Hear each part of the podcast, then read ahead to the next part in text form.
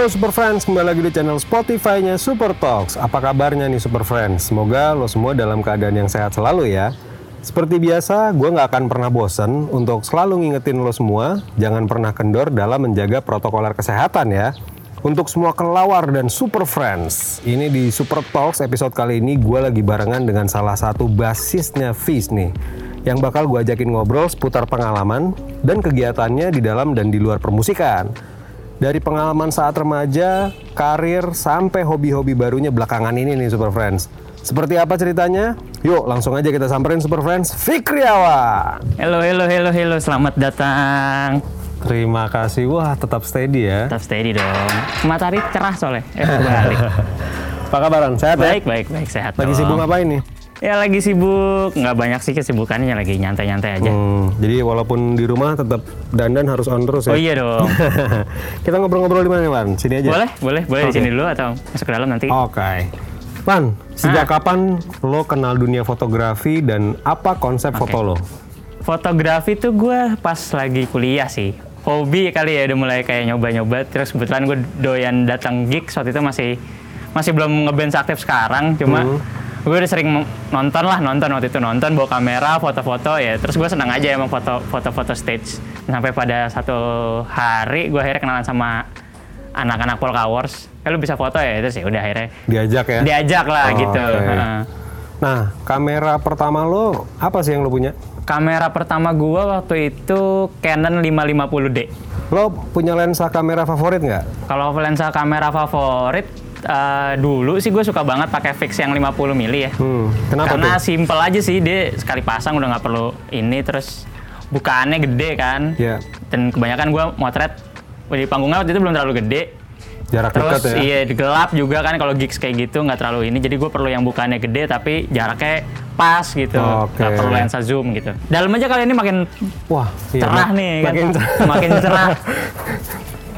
Nah, apa sih sebenarnya bagian yang menyenangkan dan bagian tersulit saat lo menjadi seorang fotografer menurut pengalaman lo sendiri? Kesulitannya tuh tantangannya kalau misalkan lo dapat stage yang entah lightingnya kurang Mhm. atau lo nggak dapat barikade, ya pokoknya harus bareng-bareng masuk di eh, penonton. Bareng penonton ya. Yang paling menyenangkan ada apa? Menyenangkan itu gue pertama kali kenal sama eh, kuliner tour ya. Kuliner tour justru. Iya, jadi pertama kali keluar kota gitu ya, itu sama band Polka Wars. Mhm.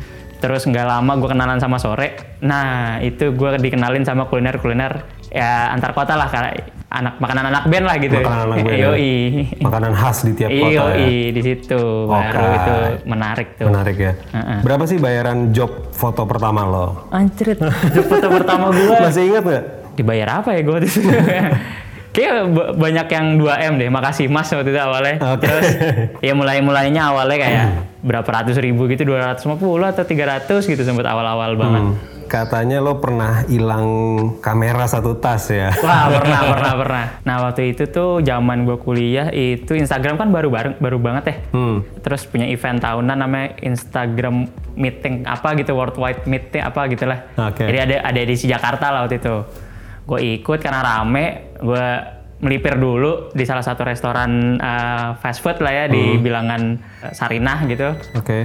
Lagi makan, pas gue nengok Udah nggak ada? ada. Waduh. Wah udah nggak ada tuh udah. Eh, ya udah deh gitu. Gue bingung kan mau kerja gimana nih. Akhirnya ada beberapa beberapa teman yang kayak ya udah pakai kamera gue dulu nih nggak kepake gitu. Oke, dipinjemin dulu ya. Iya dipinjemin baik banget sih waktu itu.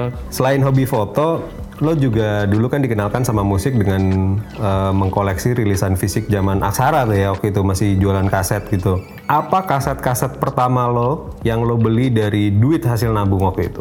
Gue beli waktu itu ada Brandals, sore, upstairs.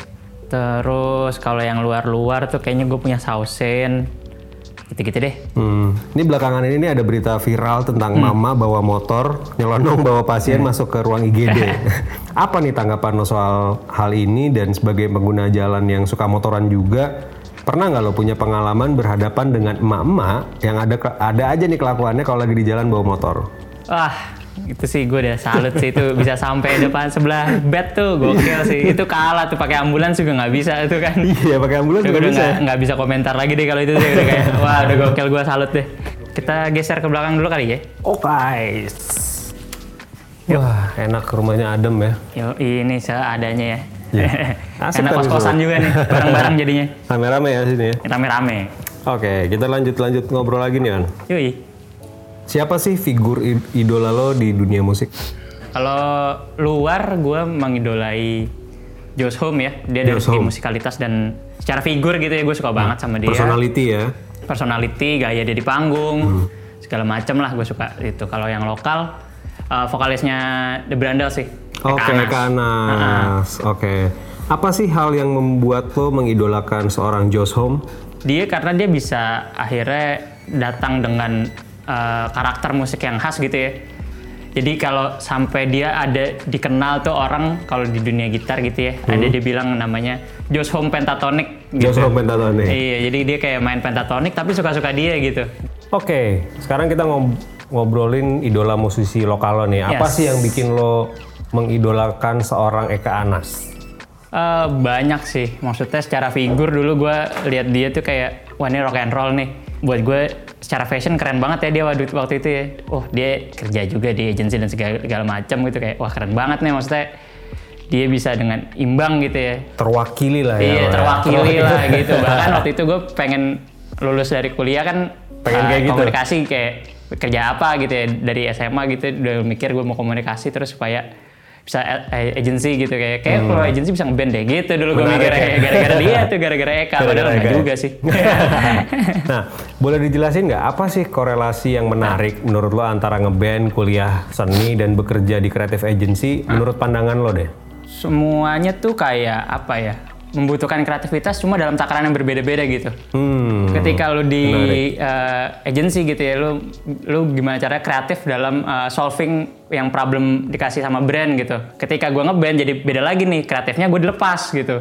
Gue bisa ekspresi di situ bebas suka-suka gua gitu ya. Walaupun gua harus kompromi juga sama teman-teman satu band gitu ya. Gue jadi lebih have fun aja pas ngerjain musik gitu. Oke, lebih lepas lah ya. iya benar. Oke, bicara karir musik seorang Eka Anas nih.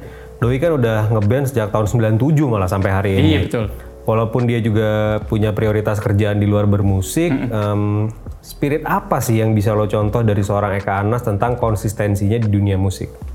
Iya, dia- itu dia sih, si konsistennya itu sih. Dari dulu sampai sekarang tetap dia tajam tiap nulis uh, lirik gitu selalu ada ibaratnya kayak selalu ada pesan yang ingin disampaikan gitu. Dan berani gitu orangnya. Oke, Eka Anas kan banyak nulis lagu buat The Brandals nih. Yes. Boleh lo sebutin nggak apa aja lirik lagunya The Brandals yang ditulis oleh seorang Eka Anas yang jadi favoritnya lo? Banyak banget sih maksud gue ya zaman itu gue paling kena tuh sama uh, mungkin kalau sekarang ya 100% kontrol itu ya itu Pasti. satu tuh gokil sih salah satu lirik terbaik dia sih menurut gue. Kalau satu piece yang favorit sih gue nggak ada karena banyak banget gitu. Semuanya ya? iya hampir semuanya gue suka. semuanya. Tadi kan kita udah ngobrolin sedikit soal agensi nih. Hmm. Kabarnya lo juga udah lama bekerja di advertising agency. Betul banget. Kalau boleh tahu sebagai apa dan udah berapa lama sih, Wan? Ya. Gua terakhir-terakhir itu sebagai copywriter. Cuma gue berangkatnya dari sosmed. Oke, Gue orang digital sosmed. dulu Iya, ya. dari digital, terus gue masuk ke digital, jadi sempat jadi kreatif strategis digital juga. Gitu. Terus gue pindah ke multinasional, baru gue eh, masuk ke copywriter, gitu, Copywriter fokus ya. ya. Proses apa sih yang biasa lo lakukan dalam riset misalnya Hmm. dan penulisan ketika menjadi seorang copywriter? Nih, gue sih eh, ngelihat apa yang sekarang terjadi gitu ya. Terus dan gue mencoba untuk eh, connecting the dot gitu. Hmm. Jadi apa-apa aja sih sebenarnya hal yang berkaitan sama topik yang lagi pengen gue angkat nih gitu. Oke. Apa sih proyek yang paling challenging nih selama lo pernah menjadi seorang copywriter? Kalau challenging banyak sih maksudnya pitching setiap pitching adalah challenge ya kan. Tapi yang lumayan seru waktu itu gue ngerjain salah satu brand teh eh, tentang satu hal yang kontroversi gitu kayak mengangkat eh, perbedaan eh, ras waktu itu. Wah. Diang, iya pengen iklan-iklan emosional gitu. Anjir, gue ngebayangin aja udah challenging banget. challenging kan, tapi dia maunya main aman gitu, nggak mau terlalu konflik gitu. Oke, masih tetap dalam koridor. Iya, itu lumayan challenging karena lumayan lama ngerjainnya dan akhirnya tayang gitu. Oke, ketika lo bekerja menjadi seorang copywriter di advertising agency, lo juga seorang musisi yang punya jadwal manggung nih padat banget nih. Yes. Itu gimana sih cara lo membagi waktunya tuh? karena anak-anak yang lain juga masih eh, ngantor kita Hmm. sebisa mungkin panggungan tuh eh, Sabtu Minggu dan malam gitu kalaupun weekdays Oh, gitu. Dan- ngatur-ngatur waktunya ya. Iya, atur-atur waktunya eh, disempet-sempetin ya. Eh, karena gue tahu gue akan kena juga gitu ya kerja weekend ya gue udah nyiapin lah kalau misalkan gue nggak bisa gue harus oper ke siapa nih. Oke. Gue udah ngajarin orang lah gitu, ngajarin orang gitu. Ntar kalau misalkan gue bisa gue tiba tinggal calling kayak eh gue harus ada kerjaan nih, Eh, Oke. bisa gantiin dulu nggak bentar gitu. Yang kayak gitu-gitu sih. Dan kabarnya dari advertising agency, lo tuh cabut pindah ke industri musik. Yes. Apa sih alasannya kalau boleh tahuan? ya itu tadi kan akhirnya face-nya berkembang lah ya manggung lumayan banyak gitu ya terus waktu pada saat itu juga anak-anak tuh pengen kayak eh sekalian aja deh kita bikin sesuatu nih dari face ini gitu Hmm. kayak beberapa orang yang menginisiasi gitu kayak ada Baskara ada Panda ada Bodat ada ada teman-teman yang lain gitu menginisiasi sanitar gitu Oke. Nah, terus kayak gue diajak ngobrol lah waktu itu, eh lu mau nggak gini gini gini, gue masih di agency, terus kayak ya udah coba yang baru deh, lu mau nggak gitu nih, mumpung kita kita masih kita kita nih yang eh, megang nih yang pertama-tama. Masih gitu. satu tim lah ya? Iya masih satu tim gitu, jadi lebih izin juga enak kalau mau ngantor Karena ya kan. karena Ya, tim berangkat semua. Iya kalau lagi manggung kantornya kosong gitu. Ah, oke. Ya udah, gue coba deh waktu itu pas banget jadwalnya padat pula gitu. Ya udah gue, ah ini saatnya nih gue coba yang baru nih. Mungkin Hmm. Iya. emang harus begini nih, kita harus gue tinggalin dulu nih si uh, advertising ini yang udah gue bangun sekian lama gitu. Oke. Ini baru-baru ini nih ada kabar menghebohkan jagat dunia maya Iya. karena Arif Muhammad melakukan charity giveaway secara random kepada para netizen yang nge-DM dia di Instagram. Akhirnya tren positif ini diikutin sama banyak influencer lain Iya, nih. iya. Menurut gue sih kalau untuk berbaginya tuh gue ya bagus lah berguna untuk orang-orang lain gitu. Hmm. Nah, kalau misalnya lo mau ikut si iko-ikoyan nih, lo mau Apa ya? DM apa ke Doski dan minta duit berapa sama Arif Muhammad nih? Minta duit berapa ya? Buat bayarin kosan gue aja kali ya setahun gitu ya. Jadi gue tinggal tidur-tiduran aja. Nggak usah kerja lagi. Gak usah kerja lagi ya? Ah, nggak mau beli sepeda aja? Ah, boleh beli sepeda boleh sih sama ngecat mobil kali itu bisa tuh bisa tuh. Ngecat mobil, Ngecat bener. mobil. Nah, kita move ke belakang Wah, kali ya. ngobrolin sepeda langsung nongol di sepedanya Yoi. nih tiba-tiba. Sepeda nih. Ini sepeda kesayangan ya? Yoi. Oke, ini udah berapa lama sih lo sepedaan, Wan? Setahunan mungkin ya. Sepeda jenis apa nih yang lo pakai nih? Ini itu eh, dia vintage road bike. Oke. Eh, brandnya Roller, dia dari Italia gitu.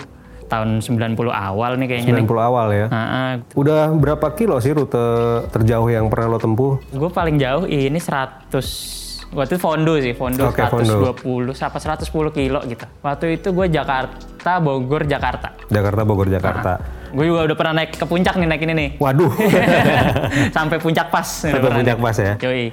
Wan, kabarnya lo juga punya usaha jual perintilan sepeda nih ya. Iya. Ini apa nama usaha lo dan udah berapa lama sih lo udah ngejalanin si usaha ini? Gue iseng-iseng doang waktu itu. Oke. gue sempat ya main-main eBay lah gitu. Terus ketemu sama uh, salah satu supplier. Jadi dia tukang bikin glove. Gue coba jual, eh Ternyata laku. laku. gitu. Ya udah gue bikin Instagramnya aja tuh namanya UKM baik-baik ya. Oh, UKM Karena baik-baik. u- usaha kecil Mr. Cloud. Gimana sih cara lo mengkurasi barang-barang jualan perintilan sepeda yang mau lo jual? Biasanya sih kalau gue suka aja ya, jadi gue ambil lebihan gitu. Ya udah gue jual ya.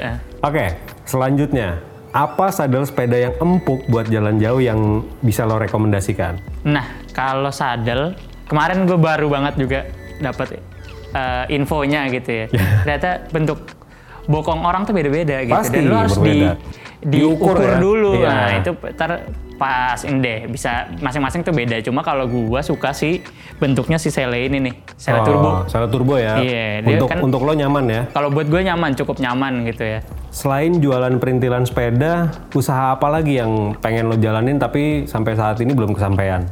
Kuliner gue ada keinginan. Ada keinginan ya? Iya gitu. Terus di bidang fashion dan sports apparel gitu, Hmm. gue juga pengen banget sih gitu. Terakhir nih Wan, Hah? jika seorang Fikriawan dideskripsikan dalam sebuah Hmm. lagu, lo akan jadi lagu apa dan jelasin alasannya kenapa? Satu track pertama dari Song for the Dead-nya Kotsa juga, Hmm. itu judulnya You Think I Ain't Worth a Dollar, But I Feel Like a Million. Wis. Anjir, jadi kayak mungkin lo bisa meremehkan gue tapi ternyata gue merasa gue tuh ya bisa gitu. Mantap. Super Friends, baru aja kita ngobrol-ngobrol seru bareng Fikriawan atau Awan. Mulai dari hobi fotografinya, bekerja di bidang agensi, karir bermusik, hingga hobi yang akhirnya bisa menghasilkan ya. Thank you banget ya Wan ya, udah Yoi. meluangkan waktu pada siang hari ini. Sama-sama banget dong, terima kasih kembali dan ini kayaknya gue harus cabut nih karena gue punya kegiatan lain. Apa mau ke mana lo?